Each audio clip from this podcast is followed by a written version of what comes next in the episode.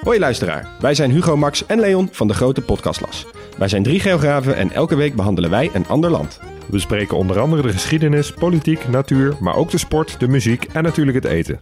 De nijlpaarden van Pablo Escobar, de vele bunkers van Albanië en het verschil tussen een sheik en een emir zijn zomaar wat voorbeelden die langskomen. Maar we bespreken ook de geopolitieke invloed van China in Afrika en de impact van het Europese kolonialisme. Luister dus wekelijks naar de audioversie van de Atlas, de Grote Podcastlas.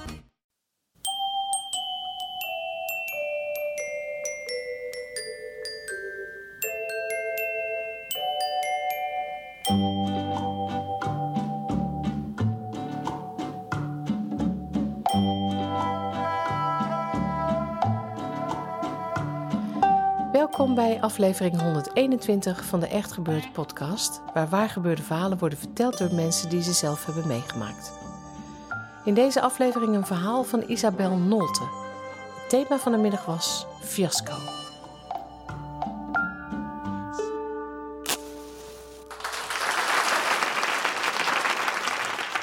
Ik heb een blauw oog. Ik dacht, daar begin ik even mee. Dat is ook een fiasco geweest, maar dat heeft niks met dit verhaal te maken. Ik ben gewoon van de trap gevallen. Ik ben acht jaar geleden vanuit Duitsland naar Nederland verhuisd.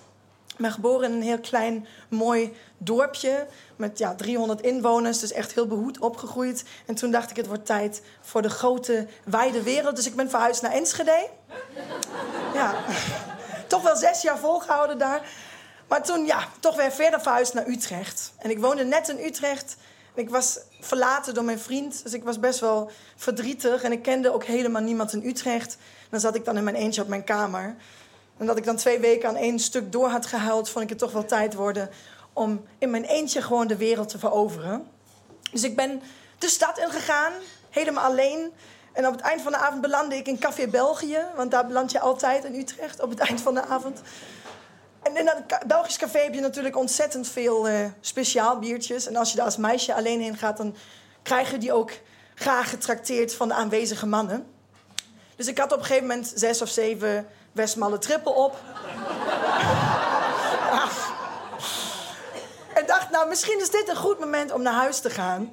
Dus ik heb mijn fiets gepakt en ja, wou naar huis fietsen. Toen ik mij besefte dat ik helemaal niet wist waar mijn thuis was. Ik had echt geen idee, zonder navigatie. Ik wist niet waar ik heen moest. Ik landde bij een stoplicht en daar was het echt afgelopen. En er was gelukkig een jongen naast mij op een scooter, een Turkse jongen. En die zag dat ik niet wist waar ik heen moest. Dus ja, hij zei meteen, hey, uh, waar moet je naartoe? Wat is er aan de hand? Ik zei, nou, ik woon op de Amsterdamse straatweg. Ik heb geen idee waar ik heen moet. Misschien weet jij het wel. En hij was meteen vuur en vlam. Hij wist waar ik woonde en hij kon mij ook nog brengen. Dus dat vond ik helemaal fantastisch. Ik mocht aanhangen op de scooter. Hij bracht me naar mijn huis toe. En we stopten voor de deur. En onderweg hadden we nog een gesprekje. Nou, ik vertelde dat ik dus net uit de relatie kwam... en dat ik totaal geen interesse had aan iets nieuws. En hij had eigenlijk precies hetzelfde. Dus dat was best wel handig, vond ik. En hij zette me dan ook netjes thuis af. En toen vroeg hij of hij nog mee naar binnen mocht komen. Nou, ik vond het op zich helemaal geen probleem. Waarom ook niet? Ik woonde met huisgenoten. Ik maakte me helemaal geen zorgen. Dus ik zei, ja joh, goed, kom nog even mee naar binnen. Gaan we nog één sigaretje roken. En dan ga jij weer naar huis. Nou, helemaal goed. Hij kwam mee naar binnen. Wij naar mijn kamer toe. Nou, dat is dan een hele kleine studentenkamer. Dus je hebt zo'n bed en een bureau en een bank. Dus als je ergens wilt zitten, dan zit je op de bank naast elkaar. En daar zaten wij ook. En toen ging hij toch aan mijn knie zitten. Nou, ik kon daar niet zo heel veel mee. Maar aan de andere kant dacht ik ook, ja goed, het is ook nog vrij onschuldig. Dus ik schoof zijn hand aan de kant. En dat maakte hem dan weer niet zoveel uit. En hij ging weer aan mijn knie zitten. En zo hebben we dus zo'n heel kniedansje gehad uh, voor ongeveer vijf minuten. Totdat hij tegen mij zei, maar je hoeft ook helemaal niks te doen. Ja. Nou, dat vond ik vrij verwarrend. Ik wist ook echt niet wat ik daarmee moest. Maar ik deed dan ook maar niks. Want ja, bleef me ook niet zo heel veel anders over. En toen deed hij zijn broek open en begon zich ineens af te trekken. Nou, ik schrok behoorlijk. Maar ik moet wel zeggen, op zo'n moment... Ja, ik weet niet, ik was toch nog ergens een beetje rustig en dacht... Ja joh, ik ga hem niet onderbreken, dat is ook zo onbeleefd. Ja, toch? Dus hij bleef me doorgaan. Maar het werd een beetje ongemakkelijk. Ook omdat hij ja, heel wanhopig eruit zag. En het was toch een beetje een triest gezicht. En toen zei ik van, ja, maar waarom doe je dat dan? Er zijn toch vast wel vrouwen die jou wel leuk vinden? Ja, toch? En nou ja, hij zei, ja, goed, dat, dat kan wel, maar wat moet ik dan doen als ik gaal ben? Ik weet niet wat ik anders moet doen. Oké, nou, toen liet ik hem nog even doorgaan, nog een beetje op hem inpraten. Van hé, hey, maar dit hoeft toch niet? Dat is ook heel lastig, want dan probeer je dus de tijd iemand in de ogen te blijven kijken. Maar je wordt wel afgeleid door die beweging. Ja, maar goed. Ik, ik bleef gewoon rustig. En op een gegeven moment had hij ook zoiets van... ja, oké, misschien was dat niet het allerbeste idee. Dus hij stopte ermee. En dan had ik toch meteen weer medelijden. Ik dacht, ja, hij heeft toch echt lef getoond. En hij heeft ook naar huis gebracht. Ja, toch? Maar goed, ik vond, ik vond hem ook echt niet leuk. Dus ik heb hem dan ja, een kus, een knuffel en mijn telefoonnummer gegeven. en toen is hij naar huis gegaan. En ik heb dat dan aan wat vriendinnen van mij ook verteld. En nou ja, iedereen zei tegen mij... Isabel, je bent helemaal gestoord. Dit is echt, dit is echt niet oké. Ehm, dat moet je gewoon niet doen. Je woont niet meer in Enschede. Dit is Utrecht, hè. Dit is de grote stad. Gewoon niet oké. Nou, zou je van geleerd kunnen hebben. Maar twee weken later was ik weer in Enschede. En ik moest naar Hengelo. Het was twee uur s'nachts. Ik heb mijn gitaar op mijn rug.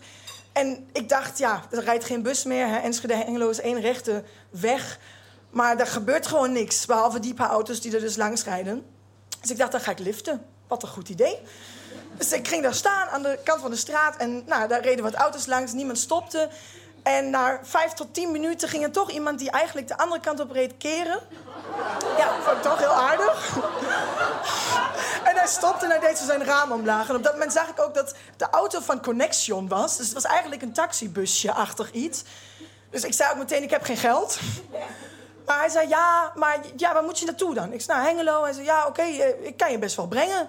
Ah, nou, tof, wat aardig. Helemaal goed. En toen keek hij mij zo aan van, ja, maar dan kun je misschien ook iets uh, voor mij doen. Toen dacht ik, nou, krijg ik dat weer? Nee, dat, uh, nee, dat, dat eigenlijk niet. Ik, wil mijn, ik kan een liedje voor je spelen als je wilt, maar verder gaat hier niks gebeuren. Hij bleef toch aandringen en op een gegeven moment dacht ik mezelf heel duidelijk gemaakt te hebben. En zei hij dat hij mij alsnog naar Hengelo wilde brengen. Dus ik stapte in en we reden ongeveer 20 meter rechtdoor en ineens een zijweggetje in. Ja. En hij zegt tegen mij, ja, maar dit is, dit is, een, dit is een doorsteek. We komen zo uh, in Hengelo. Nee, nee, nee, nee. Vriend, ik heb zes jaar in Enschede gewoond. Ik weet echt waar Hengelo is. En hier in dit bosje is het niet. Dus dat is gewoon niet oké. Nou, hij stopte, dat vond ik op zich al goed. Maar niet om te keren, maar gewoon om even een gesprekje aan te knopen. En toen zei hij dat hij het toch heel spannend vond met zo'n vreemde vrouw in de auto. Ik kon het niet helemaal begrijpen, want het was winter en ik had echt zo'n hele lange jas tot de grond aan. En dat zag er gewoon niet uit. Ik snapte niet wat hij spannend vond. Maar goed, je blijft dan zitten. En ik zeg, nou, leuk dat jij het spannend vindt, maar ik wil eigenlijk gewoon naar Hengelo nu. Ja, maar ik heb dit echt nog nooit gedaan. En kan ik mij niet misschien even aftrekken? Ja, want ik heb zoiets nog nooit meegemaakt. Ik dacht meteen, nou, ik wel. Goed.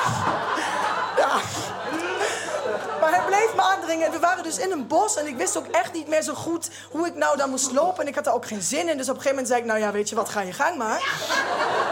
Dus ik zat daar zo naast, een beetje duimpjes te draaien. Nou, gewoon wachten.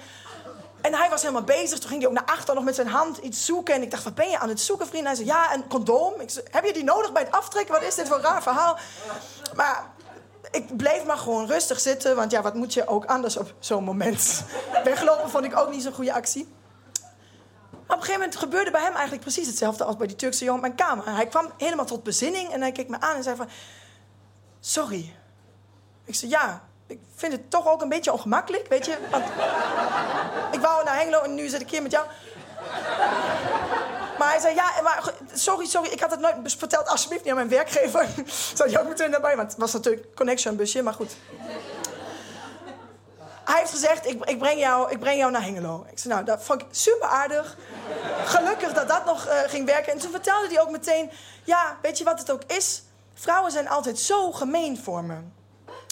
En die, ik kan daar gewoon niet mee omgaan. Die zeggen altijd dat ze me lelijk vinden. En ik weet gewoon niet wat ik moet doen. Nou, bij mij weer helemaal dat medelijden natuurlijk terug. Ik vond het echt heel sneu voor hem. En hij vertelde mij dat hele verhaal. Ging ik een beetje troosten natuurlijk. Nou, uiteindelijk heeft hij me naar Hengelo gebracht. En ben ik uitgestapt. En ik had een slecht geweten omdat ik hem niet mijn telefoonnummer heb gegeven. Want ja, wie moest hij nou bereiken als hij verdriet had of zo? Ja. En in principe zijn het allebei verhalen nou, die andere mensen echt wel een fiasco zouden noemen. Alleen zelf had ik toch zoiets van... Nou, ik ben gewoon aardig gebleven en vriendelijk. En uiteindelijk is het allebei toch nog redelijk goed gekomen. Ik bedoel, die jongen is uit mijn huis vertrokken... zonder dat hij aan mij nog groot heeft gezeten of zo. Die andere jongen die heeft mij gewoon alsnog naar huis gebracht. En uiteindelijk was het best wel een sneu verhaal. En misschien heeft hij er nog iets aan gehad dat hij mij is tegengekomen. Dus als ik jullie iets kan meegeven, is het misschien... Uh, als je met heel veel liefde gewoon uh, op mensen afgaat... dan valt het uiteindelijk wel mee of zo. Ja, toch? Ja, want het is wel, nog één klein stukje. Want ik heb namelijk... Dat dat is heel goed om te weten. Ik ben één week later... ben ik dan weer in Utrecht weer uitgegaan. Ook in mijn eentje. En stond ik buiten uh, voor, voor de Kager door... En daar kwam een zwerver langs. En die zei... Um, joh, mag ik even je aansteker lenen? Nou, dat kon natuurlijk. En hij ging meteen zijn crackpijp aansteken. hij zag er gewoon ook heel erg verdrietig uit. En nou, toen ben ik toch even met hem in gesprek gegaan. En uiteindelijk merk je dan, als je dan zo met iemand in gesprek gaat... en ik zei gewoon, hé, hey, dit hoeft toch niet het einde te zijn voor jou, weet je? Je kunt toch gewoon iets met je leven doen er zijn toch mensen die, die wel van je willen houden misschien. En, en gewoon een leven opbouwen. En dit hoeft echt niet het einde te zijn. En ik merkte helemaal hoe hij zo opbloeide. En hij was helemaal happy en vrolijk. En ja, heb ik hem nog een hele dikke knuffel gegeven. Ben ik ook naar binnen gegaan. Had ik echt een goed gevoel over mezelf. Tot ik er achter kwam dat hij mijn telefoon had gejat. dat was het.